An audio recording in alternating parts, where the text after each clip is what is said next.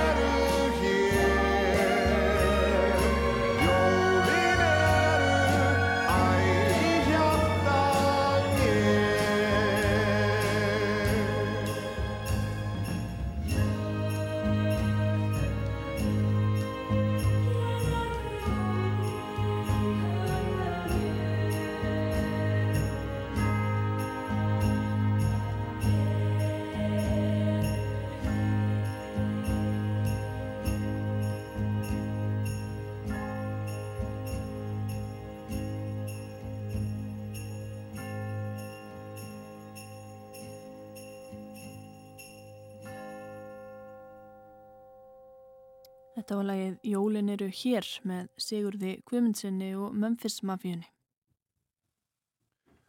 Þá er sestur hérna hjá okkur Benjamin Júlían. Hann er verkefnastjóri Verlags eftirlits ASI. Verður velkominn til okkar. Takk fyrir.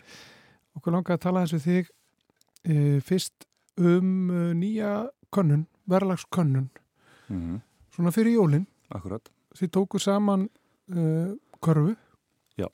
og, og e, fóruð yfir verðið á Ímsum börum og þetta er reglulegt hjá okkur, eða ekki? Jú, þessi karfa hefur verið gerð síðustu ár og um, við kíktum á þær vörur sem við vorum með í fyrra og gerðum svona smá samanburð á svona hundrað af þeim til þess að sjá hvernig verðin hefur breyst yfir árið. Já, og þetta eru jólavörur mikið? Jú, akkurat. Þetta eru maturur? Já, matur sem er líklegur til að vera kæftur núna þessum, á þessum dögum. Já, það er jóminn og mm -hmm.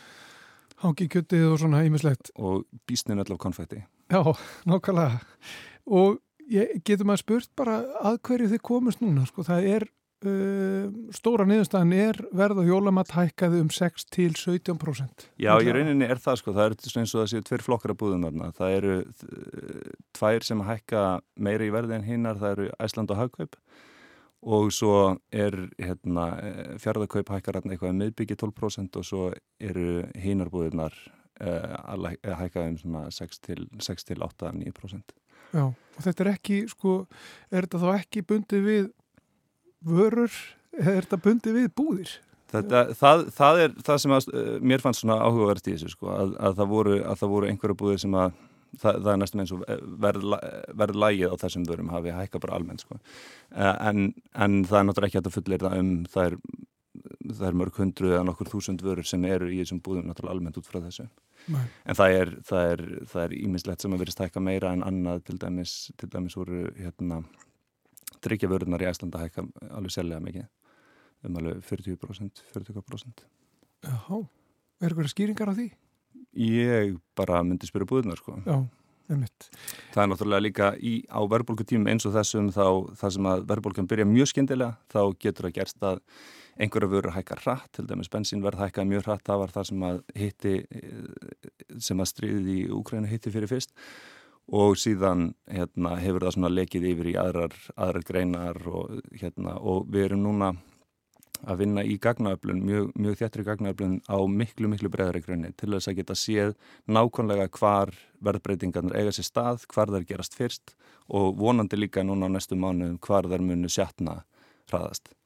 Já, verðbólgan náttúrulega hefur þessi áhrif að það, það hækkar allt, mm. verðið á öllu hækkar. Hvernig rýmar svona þessi hækkun við þá hækkun sem var viðbúið að, að veriði? Sko, uh, Hagstofan er með, er með undirflokka í verðbólgunni og einn af þeim er matur og drikjavörur. Hann hefur hækkað um 11% á þessu ári, eða á árinu sem að, hérna, árinu millir november og november og það er svona um það byl í miðjunni á þessum, þessum niðurstöðum en eins og ég segi það eru þessar tvær búðir sem eru umtalsvert fram, fram yfir, Hagkaup og Æsland í þessari jólakörfu og svo hinnar eitthvað rétt aðeins undir. Já. Hvernig, hvaða svona álegtun drægið þið hjá ASI af þessum, þessum niðurstöðum? Sko að, að verði sér að hækka sérlega mikið í hérna, Æsland og Hagkaupum er svona fyrst og fremst álutinni sko. um, en, en það er náttúrulega, það er náttúrulega uh, varhugavert að, að draga álutanir af, af hérna, þunnum grunni eins og þetta er, hundra vörur eins og ég segi er, er, ekki, er ekki öll búðinn en það er það sem við erum að horfa til núna að geta dreigið uh, sterkari álutanir með því að vera að skoða verða á miklu bregðari grunni. Og það er það sem að appið sem að er að koma út núna í hátteginu uh, bara uh, í snýstum og öll verð, öll hérna gagna öflunum að bak við það hún, hún nýgur að því að, að geta sagt nákvæmlega fyrir um á, á mjög breyðum grunnu og miklu, miklu tíðar hvernig verð það að reyga sér stað. Já. Það er appið. Það er appið. Förum aðeins það eftir smá stund. Mm -hmm. Hvernig fara þessar verðlagskannanir fram? Hvernig, hvernig leggiði mat á þetta?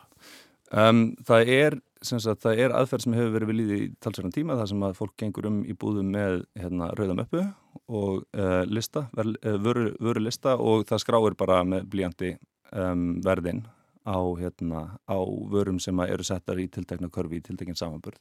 Og það eru tvær tegundra konunum sem við gerum, það er annars vegar konunin það sem að hérna það, það sem er verið að skoða hver, hver munurinn er á verðið millir búða og svo er hins vegar að verið að skoða hver verðþróunin innan búðar er.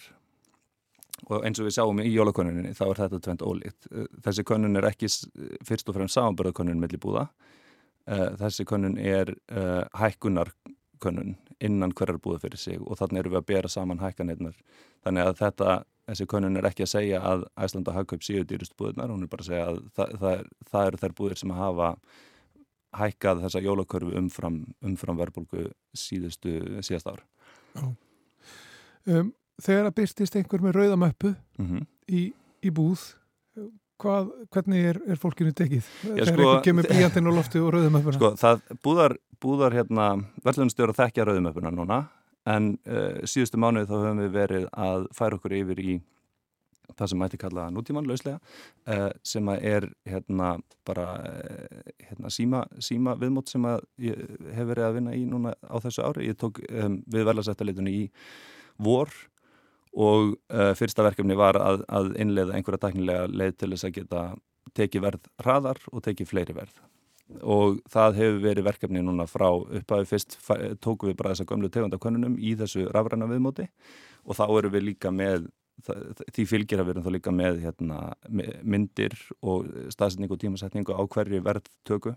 Þannig að það er alltaf hægt að reykja allar villur aftur til hérna, upprunans og, uh, og síðan hægt og bítandi höfum við bara verið að breyka netið, stakka netið og við höfum núna verið að taka svo gott sem öll verð í eh, öllum búðum og þar sem við erum ekki komið ánga, þar stefnum við að því að komast ánga. Það er, við viljum líka ná smarri verslunum, verslunum út á landi og svo framvegis. Já. Hefur ekkert komið til greina bara hjá verslununum að bara byrta þessi verð, bara afhenda ykkur þessi verð? Uh, það kemur til greina, já. Þannig að það þurfi ekki að einhvern veginn að fara með rauða möppu eða, eða, eða síman. Já, og, akkurat. Það, er, það kemur vissulega til greina og það er, hérna, netto og krónan eru með vefverslanir þar sem að verðin eru aðgengileg og uh, ég vona að, hérna, að verðlanir muni sjá sín hægi því að, að verð, verði hérna, ekki síst núna svo ég dræja appið aftur inn í þetta mm -hmm. hérna, um, að, það, að það séu réttar upplýsingar þar inni að það séu, að það séu þá ný, nýleg verð og að, sé, og að samanbörðurinn sé alltaf sem réttastur og að, hérna, og að þau séu einmitt og að öll, öll nöfn stemmi og öll streikamerki passi og svo fram með þess Já færum okkur þá yfir í appið. Mm. Þetta er nýtt app, þetta bara var að koma út, mm -hmm. þið voru bara tilkynna þetta núna áðan, þetta Akkurat. var komið í, í, í uh, þessar, í þessar, uh, hvað kalla maður þetta? Appverslanir, eða appbúðir fyrir, fyrir símana. Prís heitir mm -hmm. þetta mhm. app og þetta er í rauninni sára einfalt. Þetta er mjög einfalt, það sækir appið, ítar á skanna og skannar einn streikamerki og þá er maður komið með verðin uh, fyrir um, allar búðir þar sem við höfum haft fengi á að, að taka verðin. Já, við getum prófað þetta bara núna hérna. Okay. Ég er, með, ég er búin að segja hérna appið okay. og hér eru við með gemjölk með þessu fína streikamerki og hér skanna ég og það er bara, já, ég fæ bara að lista hérna. Það er lægsta verðið efst og hæsta verðið neðst. Og það munar á lægsta verði sem er í bónus og hæstaverði sem er í 10.11 og orkunni. Þá munar alveg 106 krónum það er semst 143 krónur þar sem að mhm. mjölkin er ódýrust og 249 krónur þar sem hún er dýrust og þetta sér maður bara svo getur maður bara að fara á milli hérna þannig að og það er daldi mismunandi samt hvenar staðan er tekinn. Akkurat. Það sem að við, þetta er eins og þú segir með, hérna, með vefðslæninar, við viljum náttúrulega geta haft sem ferskust verðarna og við erum með náttúrulega fólk sem er bara úti að skanna allan, alla daga. Um, en það fer, fer rosalega eftir hérna, bara, þetta er náttúrulega óheirilegur fjöldi af verslunum sem er undir. Og það sem við ætlum að gera þegar appi fer á stað er bara að gæta þess að þau verð sem að fólk er að skanna síu sem ferskust. Og ef að búður eru til í að hérna, hjálpa okkur eh, með að veit okkur rafræðin aðgangagögnum þá er það náttúrulega bara príðilegt mm -hmm. það væri bara algjörlega eh, það væri bara luxus Og að í rauninni getur fólk þá bara uh, borið saman verð og ef að það er uh, sko 200 metrar í þessa verslun en fjóri kílometrar í hinna þá er hægt að hugsa ok, ég spara nú lítið að því að vera þvælast ánkað hversu mikið meðum að tíma sinns sko. og svo er náttúrulega, ég meina þetta býður upp alls konar, þetta hérna er bara í rauninni bara erum við að gefa fólki glukka inn í mjög stóra verkunun hérna sem er alltaf í gangi. Mm -hmm. Það sem okkur langar til að gera með þessu appi framvegis er bæða fólk getur sér verð söguna þannig að þessu hvernig verð hefur þróast. Þegar við heyrum ofta eitthvað svona að þessi vara hefur nú hækkað svona og svona mikið og við værum alveg til í að geta sínt fólki nákvæmlega hvernig það hefur gerst og hvar og við værum líka til í að, hérna, að fólk getur búið til sína eigin körfu í þessu appi þannig að það getur séð þetta, þetta er það sem ég langar til að kaupa. Mér langar til að geta farið í einhverja eina eða tvær búðir þar sem að ég spara einhverja túsunkalla mm -hmm. og það getur þá bara gert það.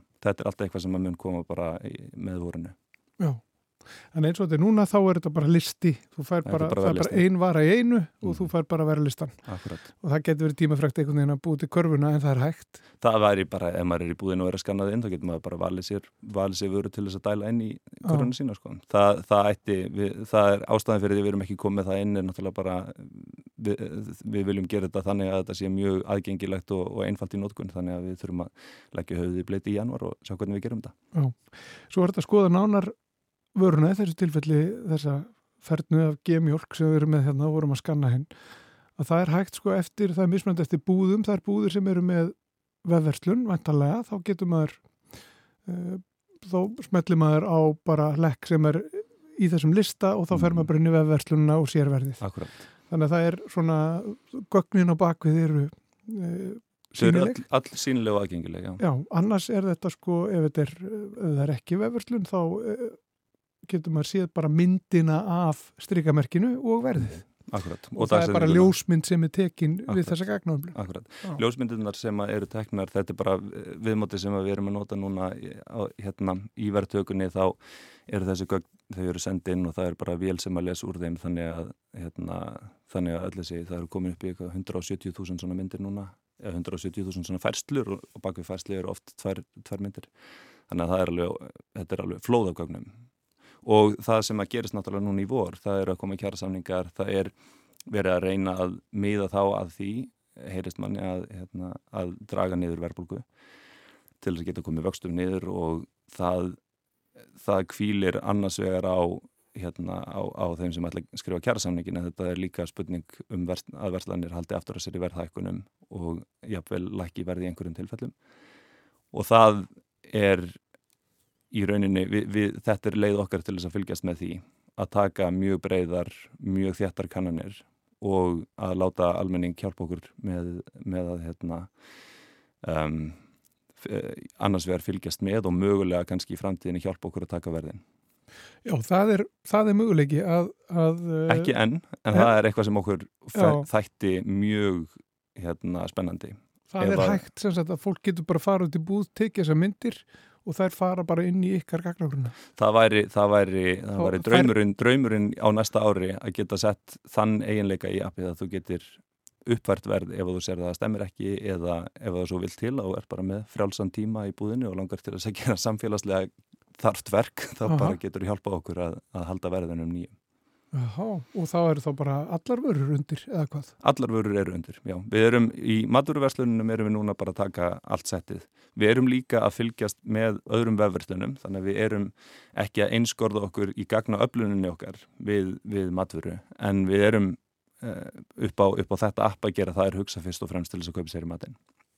Já, en möguleikin eittir staðar að gera þetta víðar fari í alls konar verslanir? Ef það er streikamerki á því þá getum við, við unni með það. Það er, og það er ef að fólk slýsast til þess að skanna inn einhver streikamerki af ljósapjör eða jafnvel að playstation tölvu þá getur maður alveg fengið hérna einhverju verð í þessu appi sko. Það er, það er, fer aðeins eftir því bara hvar við höfum verið að skrá streikamerki og einhver aðeim er að detta inn í gegnum einhverju vefverslanir og einhverju aðeim eru en eins og ég segi, ég ætla ekki að lofa neinum að það fái skemmtilega niðurstöður nema, hérna, nema með að skanna matfyrir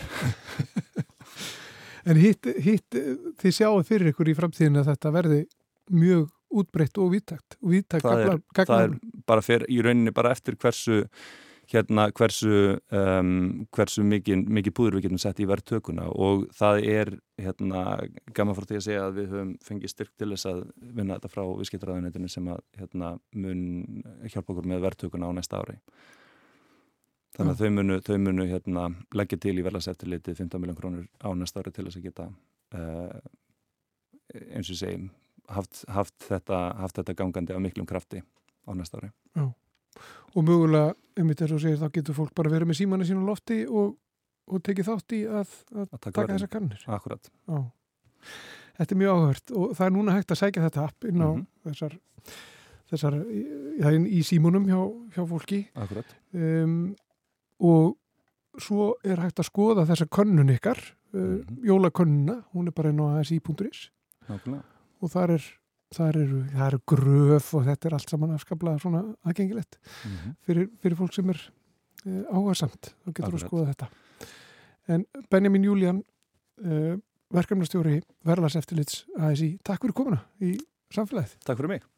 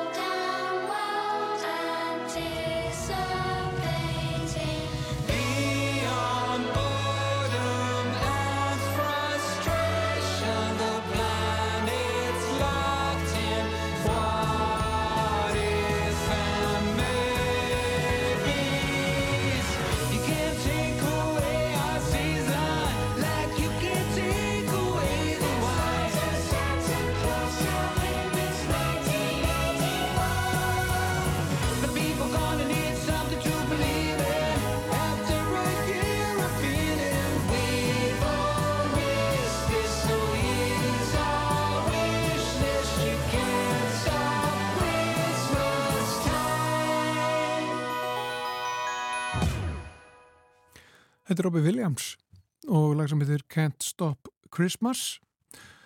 Lag af uh, plötunni hans The Christmas Present, jólaplötunni hans sem kom út árið 2019 fyrir jólinn 2019 og uh, inniheldur mikið af lögum, það eru mörg lög þessari plötu, þetta er svona tvöföld tvöföld plata uh, fullt af nýjum uh, jólalögum og, og gamlum í bland Ég verðum hérna stöndum hérna við hliðið að Fossvókskirkjugarði og hér með mér er Helena Sif Þorgestóttir ætlum aðeins að, að líta hérna í garðin eins og margir gera á aðvendunni. Hvað gerir þú hér? Herði, ég er sviðstjóri umhyrðu, þannig að ég sé svona um umhyrðu hlitan hjá kirkjugarðanum, í öllum garðanum. Hérna Fossvogi, Gufinis og Kópói og hérna og Hólavallagarði. Þannig að ég svona, hef yfir umsjón með því. Er þetta svona mesti annað tíminn þegar kemur að umhyrðu garðana aðvendan eða E, nei, það er náttúrulega sumarið er mesti tíminn í umhyrðinni en það er svona öðruvísi umhyrða á, á þessum tíma. Það er meira þú veist þessar skreitingar og, og að halda þá eða til dæmis eða snjóar og því en lykt sem þarf að sinna þá. Nú er aldrei spór snjóa núna, komin hérna snjóföl yfir allt og við ætlum að rölda hérna aðeins inn í garðinn. Það er náttúrulega smá bílaumferð hérna, fólk er byrjað að- koma og vitja, vitja leiða ástuna sinna. Ég, á veturna segir að aðalverkefni séu kannski á sumrin eða mestu gróður en, en hvers eðlis eru svona verkefnin á, á veturna? Hvað er það að gera eins og fyrir jólinn?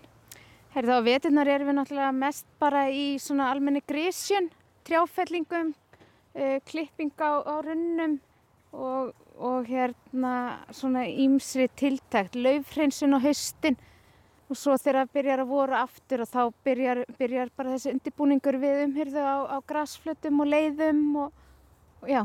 Og þessi siður að, fólk komi í kirkjugarðana svona fyrir jól og setji uh, hérna einhverja skreitingar eða, eða ljós og luktir á, á leiði, er hann alveg jafn sterkur og, og hann var eða hefur þetta eitthvað breyst? Herði, hann er alveg jafn sterkur og hérna þetta hefur kannski breyst að því leitinu að, að fólk er fyrir að koma fyrr. Það er ekki allir sem, það var svo vinsalt að koma allir á aðfangadag. Nú er þetta, dreifist þetta meira yfir vikuna og fólk svona, og svo þingist þetta jaft og þétt fyrir, fyrir aðfangadaginn en svona tveimdugum fyrr og, og þorláksmessu að þá er svona mesta trafikkin en svo eru þetta alltaf ykkur sem halda í hefðina að koma á aðfangadag og þá er líka svolítið mikið að gera. Já. Það er þá jafnvel að stýra umferð eða þess að þar? Já, við reynum að, við lokum inn í Fossvorskirkjugarð frá klukkan 11 til 2 þannig bara til að gefa, gefa gangandi vegferundum tækifæri á að aðtapna sig. Uh, í Guðvinniskirkjugarði og hinum görðunum er bara opið en eins og í Guðvinniskirkjugarði þá er ákveðin ringakstur. Það er inn að Hallsvegi og út í átta hérna borgarvegi þannig að, hérna, að, að það getur orðið svolítið mikil trafík. Eru þið sjálfa þið, nú eru hérna í garðinum líka eins og minnisvarðar og eru þið að sinna einhverjum skreitingum eða, eða koma fyrir einhverjum ljósum sjálf eða er þetta alfarið í höndum uh, þá ættingja eða aðstandenda fólks? Það eru semst verktakar sem eru með jólaljósin í Fossvokskirkjugarði, Guðvinniskirkjugarði og Kópavóskirkjugarði og svo er þetta bara aðstandendur. Það er þá sett hvað einhvers konar ljóskross og hvert leið eða eitthvað þess áttar. Já, þá hérna hjá verktökunum þá er bara keitt beint í gegnum þá. Í reyninni koma kirkjugarðarnir ekkert að því, þannig að það eru bara þeir sjálfur sem sjá um uppsetningu á því. Og maður sér svona þegar maður horfir yfir hér um ágætis, hér um ágætis útsinni yfir, yfir garðin eða svona stóran hlutans og það er búið að koma fyrir sumstaðar, greiniggreinum og, og luktum.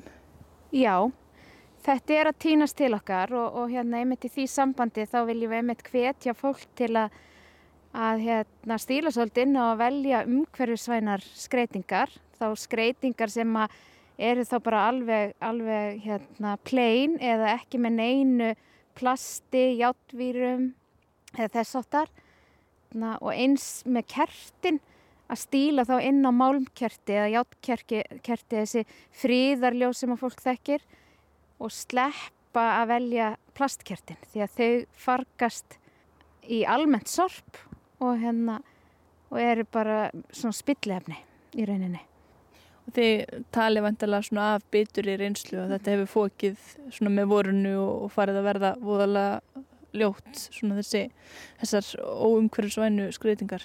Já, þetta veðrast náttúrulega ekki vel og, hérna, og svo fer þetta náttúrulega að fjúka í öllum læðunum sem fara að dinja á okkur og hérna þannig að en fyrsta februar förum við á stjá og byrjum að týna þetta saman ef að fólk er ekki búið að því þannig að við hvetjum alla líka til þess að, að ef að snjóa lægið er þannig að þá um að gera að reyna að vera búin að taka þetta fyrir fyrsta februar því annars förum við á stjá og þá er þessu bara hent. Já, ef að fólk vil eitthvað halda upp á þetta. Já, eða vill halda í skreitingarnar að gera það sko. En við hérna reynum að týna síðan málmkjartinn og annað af, af leiðunum bara helst strax á nýja ári ef að, ef að tíðin er þannig að því að við reynum að flokka allt frá okkur. Við getum í rauninni ekki komið neinu frá okkur orðið nema flokkuðu. Og Er það einhver svona græn skref sem þið eru að uppfylla eða eitthvað, einhver svona hérna staðall? Já, það er bara bæði umhverfistefna kirkjugarðana er orðin mjög flott og, og líka bara hvernig þetta er orðið hjá sorp og annað, það er bara ekki hægt að koma neinu frá sér nema flokkuðu. Og hérna, þess vegna höfum við sett víða hérna í görðunum upp flokkunastöðar núna sem eru þá fimm flokkar. Þannig að þetta ætti að vera mjög auðvelt fyrir fólk að, að rata með rusli í réttan flokk og þetta er allt myndrænt líka þannig að þetta auðveldar fólki. Þannig að við hérna vonum að fólk vinni með okkur í þessu. Það er svona, já, það er fallegt hérna um að litast og þó að það sé ekki komnar skreitingar á, á nema kannski fá leiði eins og er, það er hérna 19. desember núna, en svona snjóri yfir öllu og, og á greinum trjána og, og friðsælt eins og á að vera. Já, það er alveg indislegt að vera hér og taka göngutúr. Við erum náttúrulega hérna í elsta hlutanum sem er þá að nálgast sko 100 ára gamall. Þannig að það er kannski svona minna að aðstandendum beint á bakvið þau leiði. Þið finnir það vantilega að mikinn mun eftir einmitt aldri leiðana og, og því einmitt hvort að fólk á yfirleitt einhverja á lífi sem að muna, muna þau. Já, algjörlega. Það er hérna, maður finnir mikið mun hér og svo móti kannski eins og nýju sveðunum upp í Gufinessi á bæði umferð og, og heimsóknum að leiðunum. Og það bara gerist með tímunum eftir því sem tíminn líður að þá minka kannski tengslinn. Já. Finnst þér það sorglegt eða bara þannig gangu lífsins kannski? E, þannig er bara held í gangu lífsins. Það er hérna, já, því lengra sem að tíminn líður og, og hérna og maður kannski þekkti ekki viðkomandi aðila beint að þá hérna kannski minkar svona tengslinn. Og er fólk sko, hér eru þessi svona fjölskyldu reytir sem við erum að lappa fram hjá núna, við vantalega svolítið hvernig þessi var dáið. Já, þetta er fólk hérna fætt 1896, 1891. Já, það er svolítið langt síðan það fættist, það fólk. Já. Þannig að, Og þegar að fólk kemur hérna með ljósin og með skreitingarnar, staldrar það oft við eða kemur það bara hérna sem hluta af jólausunni og hérna út úr bílnum og nei, nei, það er nefnilega svolítið gaman að það, fólk er með alls konar hefðir. Það er hérna, hér hittast heilu fjölskyldurnar og, og það er stundum sungið, sumir eru með heitt kakó og gera svona smá samveru úr því þó það sé kannski ekki mjög langur tími en að stoppa kannski korti 20 mínútur og syngja jólalög og fá sér heitt kakó og það er alltaf voða gaman að sjá það. já, verða að vitna því. Já. Einhverju kannski með einhvern spýra eða eitthvað svona hlifir sem maður hefur heyrt um. Ég, nei, ég hef nú ekki sé, sé það sko, það er hérna, fólk er nú bara í svona góðum gýr. Já, já. Í, í kakóinu bara. Í kakónu, já, algjörlega. Ekkert konjak. Já, kannski, maður veit það ekki. Ertu sjálf sko í, í þessu að, að hérna, koma með skreitingar á, á leiði ástfunna um jól?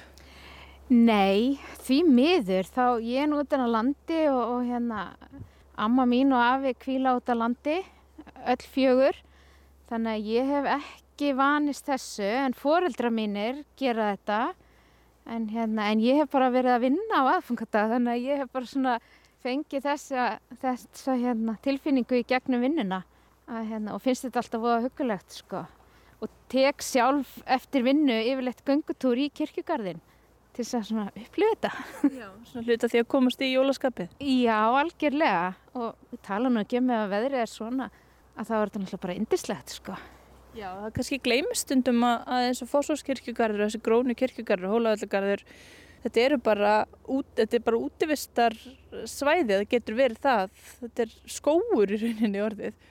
Já, algjörlega og þetta er náttúrulega bara með stærri útvistasvæðum á höfuborgarsvæðinu og, og bara frábært að koma hér og skokka og göngutúr og Þið amist ekkert við því og fólk nýti þetta þannig, svona að því gefna þau þetta síni hinnum látnu virðingu. Nei, algjörlega, við bara hvetjum bara fólk til að koma til okkar og, og rölda um og hérna njóta garðana, njóta fugglana og, og trjána sem við höfum og hérna litana Já. og ylsins Já. þannig að algjörlega bara Og það er náttúrulega líka bara, þú veist, hlut af því að lifa lífinu til fulls er náttúrulega bara að vera meðvitaður um það, að maður er döðlegur og þetta er svona allt svona ákveðin harmonía. Já, algjörlega, okkar tími. Við kemur sko og það hefur engin lifað þetta lif af. Þannig að það er bara um að gera að njóta. En hér er líka, sko, búin að sjá einn vera móka hérna einhver staðar, svo er, svo er hérna, einn á, er þetta hvað, fjórhjól eða er smágrafa einhver, Já, þetta er svona liðléttingur. liðléttingur, Hva, hvað er fólk að gera hérna? Herði, nú erum við bara svolítið líka að undirbúa að, að hérna sitja út flokkunarstöðarnar og, og hérna og riðja og salta og sanda og, og hérna svo komið smá stress í okkur af því að það á að snjóa svolítið á, á föstudag og lögadag þannig að við erum að reyna að undirbúa sem mest þannig að vinnan þá verði auðveldari. Já, að fólk verður ekki svona spólandi hérna um og festa sig með tilherandi. Já, það, hérna, það viljum við ekki sko og líka bara að fólk geti fóta sig það hérna og gengi hérna um svona flesta, flestar leiðir. einmitt aðgengi, það skiptir máli. En uh, svona lokum bara er eitthvað sem að fólk sem að ætla sér að koma í garðana fyrir jól þarf að hafa í huga? Heyrðu, það er kannski bara að reyna að velja umhverfisvænar leiðisgreitingar. Uh, nú frambúð af þeim? Já, það er það alveg. Og hérna þannig að við hvetjum bara alla til að kynna sér það og svo er bara að sína hvort öðru umbyrðalindi og vera með gleði í hjarta og, og tillitsemi þannig að þá, þá verður þetta bara yndislegt sko. já, það bara hljómar vel. Takk hérlega fyrir að rölda með mér hérna um Forsókskirkjugarð Helena Sif Þorgisdóttir Já, takk fyrir að koma og gleðilega hátíð. gleðilega hátíð. Löpum við hérna út um hlýðið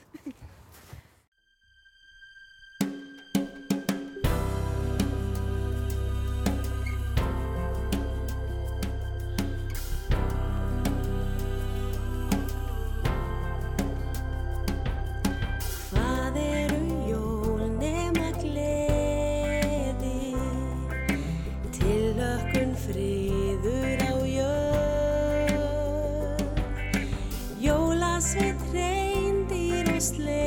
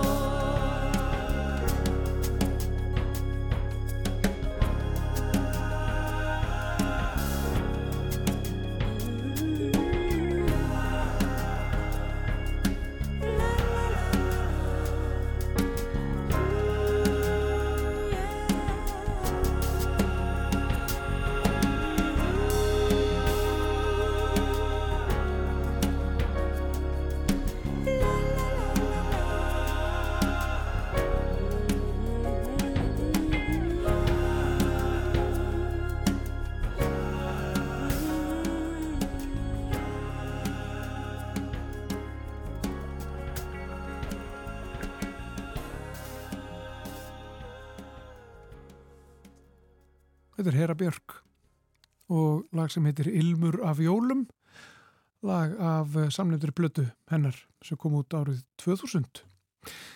En þetta Olgudóttir er að setjast hér hjá okkur í sitt vísindarspjall tilbúin í það en áður við heyrum í henni þá ætlum við að hlusta á eina málfarsminútu.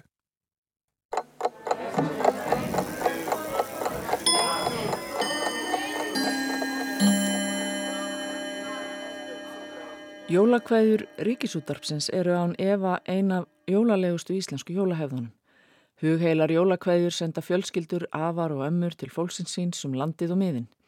Lýsingarorðið hugheilar heldur velli þótt kvæðurnar verði sífælt óformlegri en það felur það í sér innileika og hjartallíu. Orðið virðist koma fram á fyrirluta 19. aldar. Það er myndaður orðunum heill og hugur og við getum því skýrt merkingu þess með orðasambandinu af heilum hug. Svo skemmtilega vill til að við eigum annað orð myndað úr sömu orðum og hugheill, heilshugar, sem er óbeigjanlegt lýsingarorð og passar því ekki sem fylliliður með orðinu kveðjur. Auk þess er röð orðana í heilshugar akkurat öfug við röðina í hugheilar og við getum eflust verið samanlega um að merkingin er ekki heldur alveg svo sama.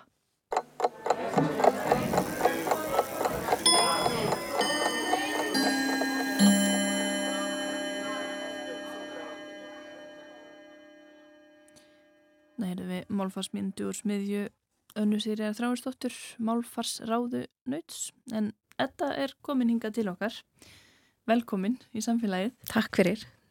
Hvað ætlum við að spjallum í dag? Nú erum við að tala um heilan og hérna ég hef nú ansi oft talað um einhverja rannsóknir sem hafa farið fram á heilanum og oft eh, tekið fram svona þegar að fyrir að líða á hérna, spjallið að, að hérna, heilin er rosalega flóki fyrirbæri og við þekkjum hann ekkert ofbúslega vel og það er rosalega margt sem er á huldu varðandi heilan þannig að þegar við erum að tala um einhverja rannsóknir að þá oft sko kemur eitthvað svona varnagli á að við vitum ekki hvað það þýðir. Það er kannski við, við sjáum eitthvað breyting á heilanum en við vitum ekki hvaða áhrif það hefur og svo framvegis. Og þegar að vera að rannsaka heilan að því að við þekkjum náttúrulega mjög marga hérna, sjúkdóma sem að koma fram í heilanum, allskynst taugarhörnun og sjúkdómar og sumir bara e, frekar algengi, sérstaklega núna í nútíma samfélagi og svona velmeðuna samfélagi að þá erum við kannski að rannsaka þessa sjúkdóma og erum þá að skoða sko uh, veika, heila úr veikum einstaklingum og, og bera þá saman við heilbreiða heila. Og þannig að við þurfum alltaf að hafa einhvers konar hérna, kontrólsýni til þess að vera að bera saman. En við höfum í raun og veru ekki endilega neitt sérstaklega góða myndaði nákvæmlega hvernig heilbreiður heil lítur út. Og hérna þess vegna er ég alltaf að setja hennan varnagla.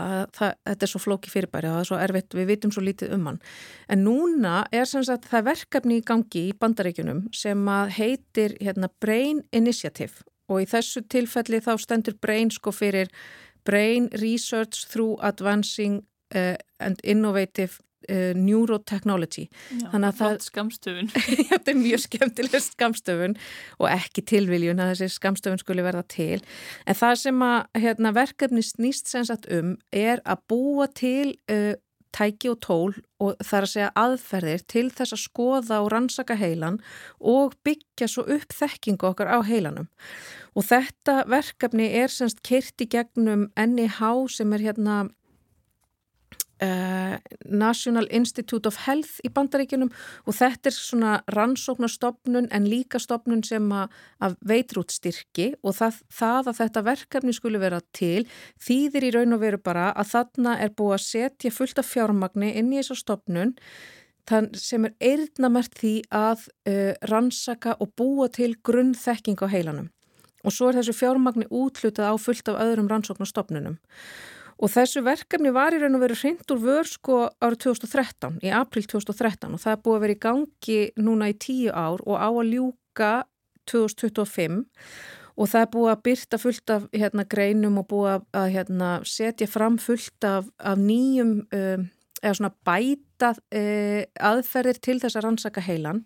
En ástæðan fyrir að ég er að tala um þetta núna er vegna þess að uh, fyrir þessu mánuði í desember að þá var byrt grein í Nature þar sem að sko tíu mismunandi rannsóknarstofnanir eru búin að setja saman síngögn og það ég taldi sko byrjaði að telja höfundana á þessari grein, ég hætti að telja þegar ég var komin upp í 40 þannig Já. ég held Það er bara hálf síðan. Já, þetta er rosalegt magnaf höfundum. Ég held þetta sé sko, þetta er svona milli 70 til 100 höfundar af því þetta er svo ofbóðslega vítægt og margar stopnarnir sem koma aðna að og þau eru búin að setja alla sínar, uh, að setja sína rannsóknir saman í stórt púl til þess að búa til gagnasafn um það hvernig heilin lítur út.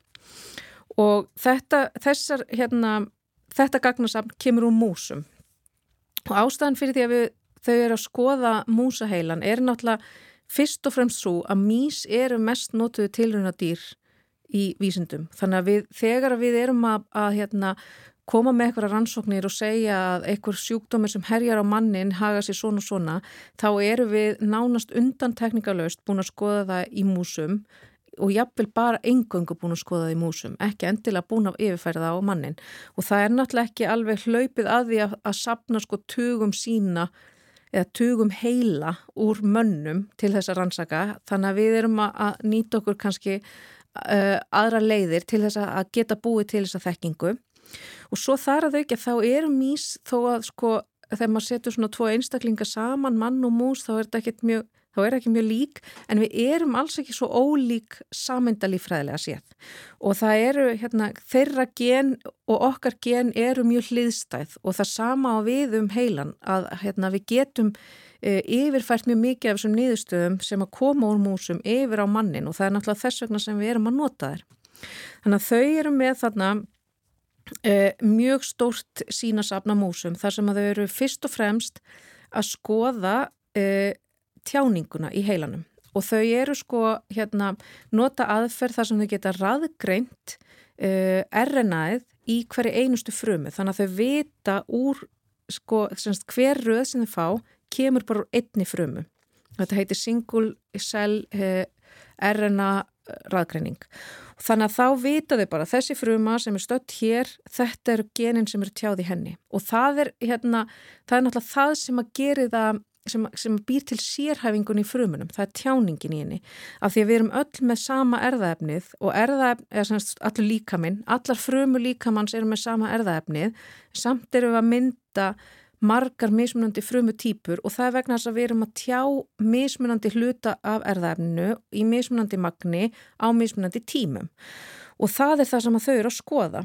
Og þegar þau eru búin að setja upp fyrir sko miljónir frumna í músaheilanum eh, bara svona gagnabanka yfir það hvað er tjáð að þá nota þau þær upplýsingar þar sem þau geta uh, eiginlega tókað út bara hér er eitthvað prótín sem er tjáð á yfirborði frumunar þannig að við getum litað fyrir því og þá sjáu þau hvar fruman er stött í heilanum líka Þannig að þau eru að nota í raun og veru þessar upplýsingar um tjáninguna til þess að geta staðsett frumurnar í heila sínum úr músum. Og þannig hafa þau geta byggt upp risastórum gagnabanka þar sem þau segja, sko þar sem þau geta e, skipt þessum frumum upp í hérna, hvað ef að segja bara svona svæði eða e, já, bara svæði í heilanum sem að hafa þá hérna þessi svæði tjá þetta, þessi svæði tjá þetta og svo sjáðu líka nákvæmlega hvar frumurnar eru staðsettar í heilanum sjálfum. Og þetta getur að nota til þess svo einni að skoða hvaða hérna, bóðefni frumurnar eru að nota til þess að uh, miðla bóðum á milli sín. Af því þau geta líka litað fyrir þá þeim hérna, viðtökum sem að bóðefnin uh, eiga bindast á. Og þannig hafa þau byggt upp bara svolítið flott kort af músaheilanum og þetta, þessi hérna, gagnabanki er núna bara opinn og allir aðrir sem við getum hérna, skoðaðan og vísindamenn sem eru að rannsaka heilan geta farið þarna inn og þessi hérna, gagnabanki heitir Allen Brain Cell Atlas og hefur bara leitið að því á Google þá ætti það detta inn að hann þessa vefsíðu. Og það er bæði verið að sína sko niðurstöðunar, það er verið að sína hérna hvernig músaheilin er uppbyggður.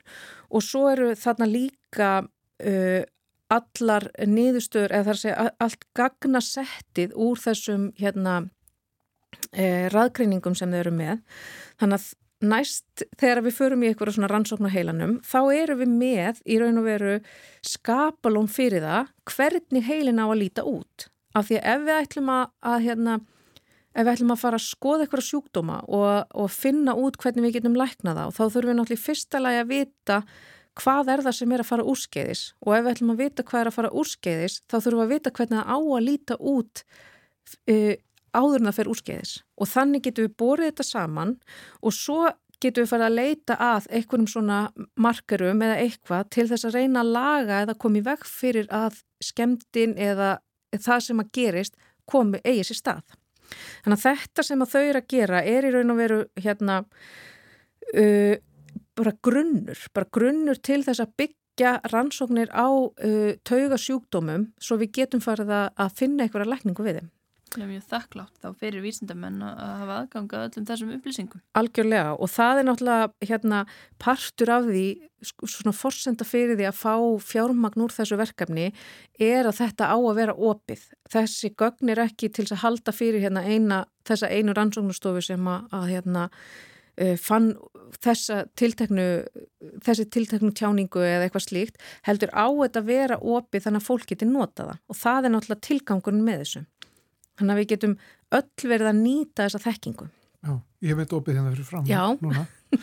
Ég sé ekki alveg hvernig ég ætti að geta nýta þessa þekkingu. Ég sé þetta meira sem bara svona listaverk upp á vegg, sko. Þetta er mjög fallegt. fallegt og myndrænt. Einmitt, það er líka hluta af þessu að setja þetta svolítið myndrænt upp þannig að það Mhm. sé hægt að horfa á þetta og setja sko uh, já, setja svona skilning í þetta vegna þess að, að hérna öll þessi gögn sem verða til, allar þessar raðgreiningar og, og hérna litanir fyrir því hvar frumhennar eru staðsettar þegar það er búið að sjóða þetta saman í grein eða sjóða þetta saman inn á svona gagnabanka að þá lítur þetta þú veist, þá getur verið auðvelt að tólka þetta en það er ógrinni af upplýsingum sem að liggja þarna bakvið og það þarf ótrúlegt hérna, það þarf náttúrulega rosalega aflmiklar tölfur til að lesa úr þessu og svo þarf líka bara mikla þekkingu til að raða þessu saman og skilja hvað það er sem við erum að sjá. Og, og þegar þú ert með svona ofbóðslega miklar upplýsingar þá hafa þær sko einar og sér kannski ekki mikið gildi en það hefur mikið gildi að geta borið þín gögn saman við þær. Já. og það er það sem að kannski hérna, ég er alveg sammálar ég get ekkert lesið úr þessu sko að þarna er þetta gen tjáð og jafnvel þó að ég gæti lesið það að þá kannski segir það mann ekki mikið það sem að segir mann er svo þegar maður fer að, að, að skoða þetta í samhengi við eitthvað sjúkdóma og eitthvað slíkt Já.